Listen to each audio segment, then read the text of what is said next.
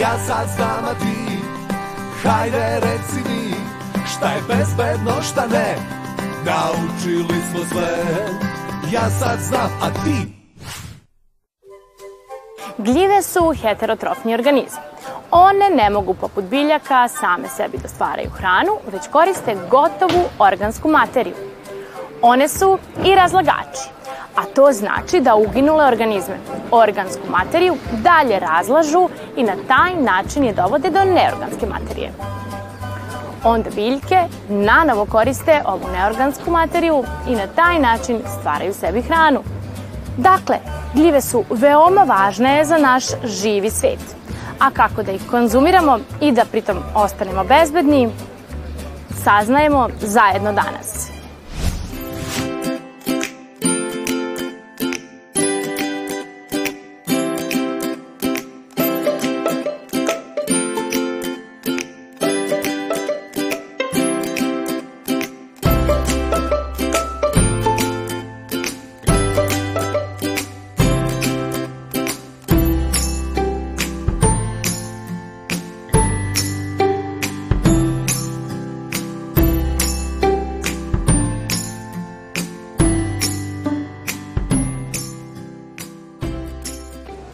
Koliko vrsta pečoraka postoji u svetu?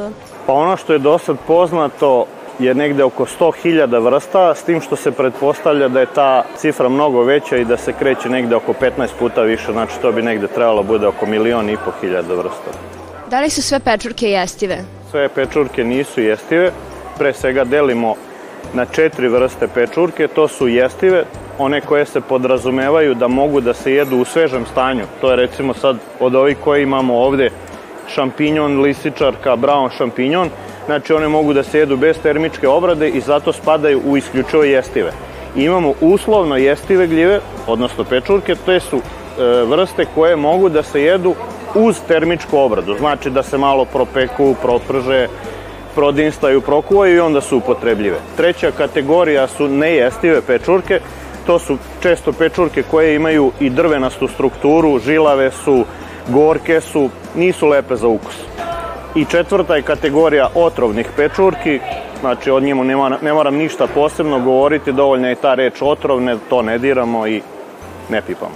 Kako se zovu osobe koje se razumeju pečurke? Zovu se često narodnim nazivom gljivari, a prava terminologija je gljivar determinator. To znači da je to čovek koji je sposoban da prepozna sve vrste. Koja je razlika između pečuraka koje se gaje i onih u prirodi?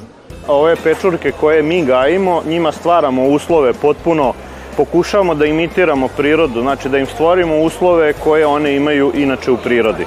Tako da nema neke bitne razlike, većinom je to u nekim sitnim detaljima, jer ipak čovek ne može da, da, da ipak zna sve šta ovaj priroda daruje kroz zemljište i kroz tu hranu gljivama.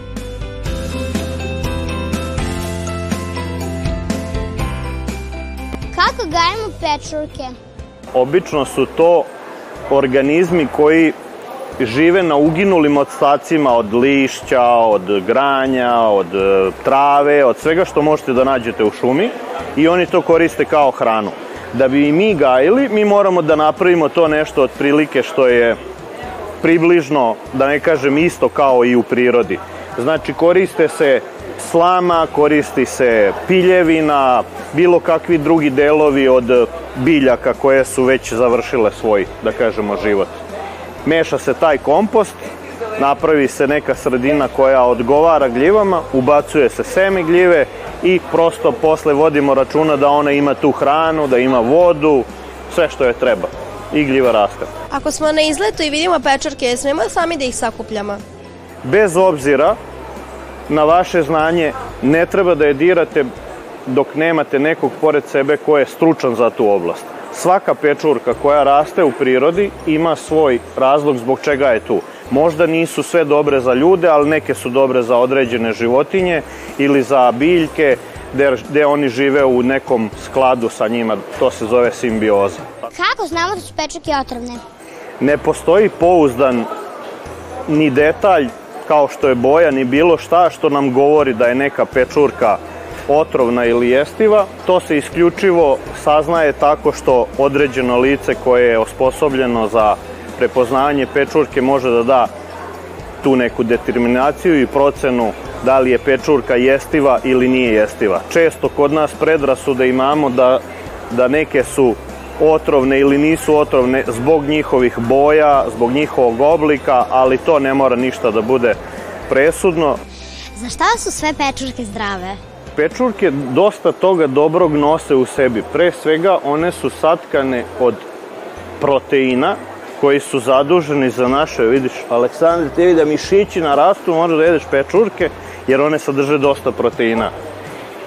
Druga stvar koje sadrže su antioksidansi. To su materije koje služe za čišćenje organizma. Kad se zaprljamo, kad previše jedemo čokolada i toga nečeg što možda i nije toliko dobro, onda malo uzmemo pečurke i one to dovedu na nivo koji treba da budu. Da li su bolje sveže ili sušene? Bolje je podela da se napravi izme toga za čega su koje bolje da se upotrebljavaju. Recimo te sušene pečurke, pošto su mnogo aromatičnije nego sveže, oni se većinom koriste za neke supice, za neke čorbe i tako, dok sveže pečurke koriste se na načine od kojih se prave baš gotova jela, kao što je recimo neki rižoto, gulaš i tako dalje. Na koje sve načine pečurke mogu da se čuvaju? Svežem stanju mogu da se čuvaju u hladnjačama i frižiderima. U zavisnosti koja je pečurka u pitanju, sve imaju svoje neke rokove. Ajde da kažemo negde se tu vode između 3 i 5 dana u svežem stanju. Drugi način čuvanja je sušenje. Znači sušenjem izbijamo iz pečurki vodu, izdvajamo tačnije vodu iz njih i one kao suva materija mnogo, mnogo duže mogu da ostanu u tom stanju, da kažemo negde do dve godine.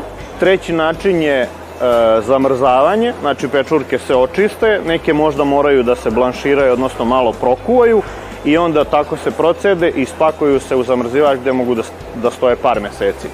Četvrti način je mariniranje, odnosno termička obrada kuvanjem, gde vi možete da ih spakujete u neke tegle i nakon par meseci oponovo da ih koristite, da li kao glavni obrok, da li kao salatu, ali to je to.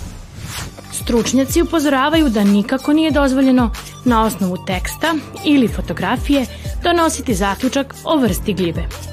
Jer neke jestive pečurke imaju svoje otrovne replike koje se teško prepoznaju. Ne kupujte na neproverenim mestima. Najsigurnije je kupiti pečurke od licenciranih prodavaca ili proizvođača. Simptomi koji ukazuju na trovanje su obično mučnina, strahovito oštar bol u stomaku, povraćanje i prolivi, glavobolja, vrtoglavica, crvenilo lica, ubrzan rad srca. Mogu se javiti 15 minuta nakon jela, ali i nekoliko sati kasnije. U slučaju da dođe do simptoma trovanja, hitno reagujte. Ako postoji mogućnost izazvati povraćanje, piti čistu vodu i obavezno se obratiti lekaru. Ponesite sa sobom na pregled i nekoliko pečuraka koje ste jeli. Dakle, danas smo zajedno saznali da su gljive, osim što su veoma ukusne, i vrlo zdrave za nas. Ipak, nadamo se da ste pažljivo slušali savete našeg stručnjaka kako da uvek odaberete one bezbedne. Mislite o tome i uvek ostanite bezbedni. Ja sad znam, a ti, hajde reci mi, šta je bezbedno, šta ne.